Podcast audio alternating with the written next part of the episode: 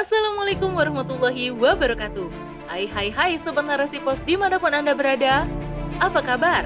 Semoga selalu dalam lindungan Allah Subhanahu wa Ta'ala.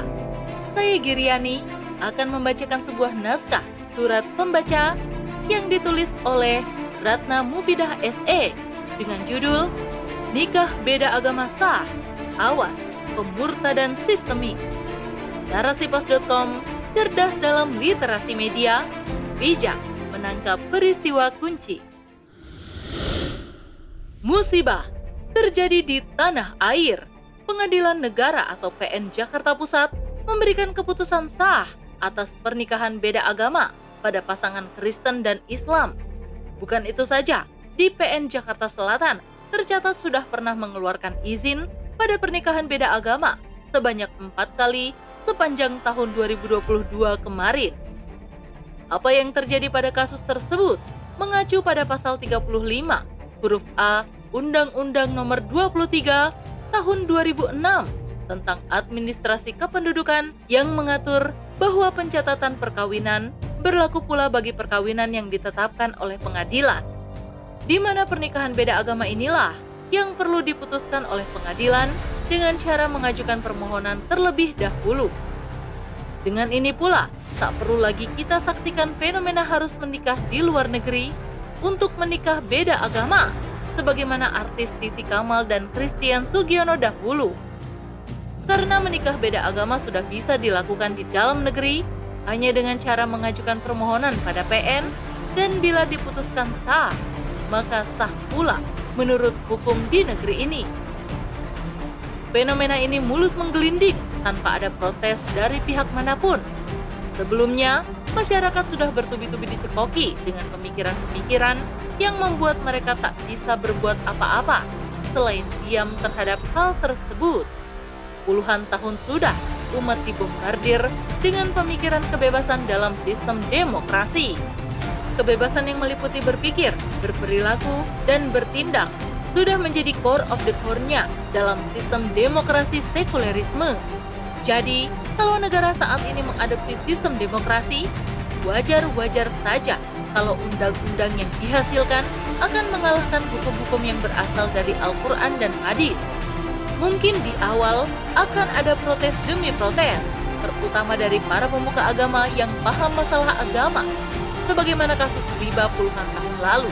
Nyatanya, saat ini riba malah suatu keharusan yang diatur dengan undang-undang. Perang pemikiran kepada umat dari para musuh Islam selalu dan tetap ada saat ini meski umat sudah tercerai berai dan jauh dari Islam. Namun, aroma demi aroma kebangkitan itu sudah pasti ada, karena hal tersebut adalah merupakan janji Allah dan sudah sunatullah akan terus ada dari kelompok kaum muslimin yang selalu mempertahankan agama ini. Itulah yang disadari para musuh Islam, sehingga selalu melancarkan racun-racun pemikiran di tengah-tengah umat sebagai upaya untuk menghalangi kebangkitan agama ini. Kebebasan beragama ini dibungkus dalam berbagai kemasan yang tak kalah memukau. Mulai dari embel-embel keindahan toleransi yang ujungnya kebablasan, sinkretisme, bagaimana kaum muslimin ragu akan kebenaran agamanya dan menganggap agama lain sama benarnya.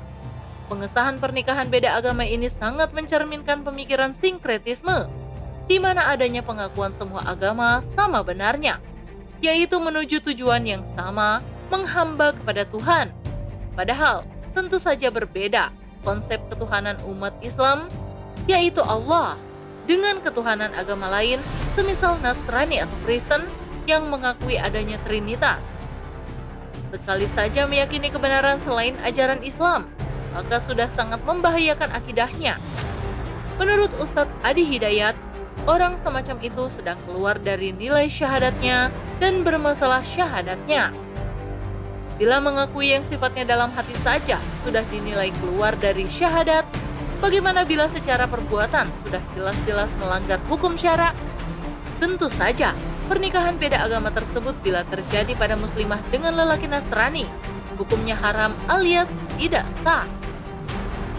Maka semua perbuatan selanjutnya akan berpijak pada hukum tersebut.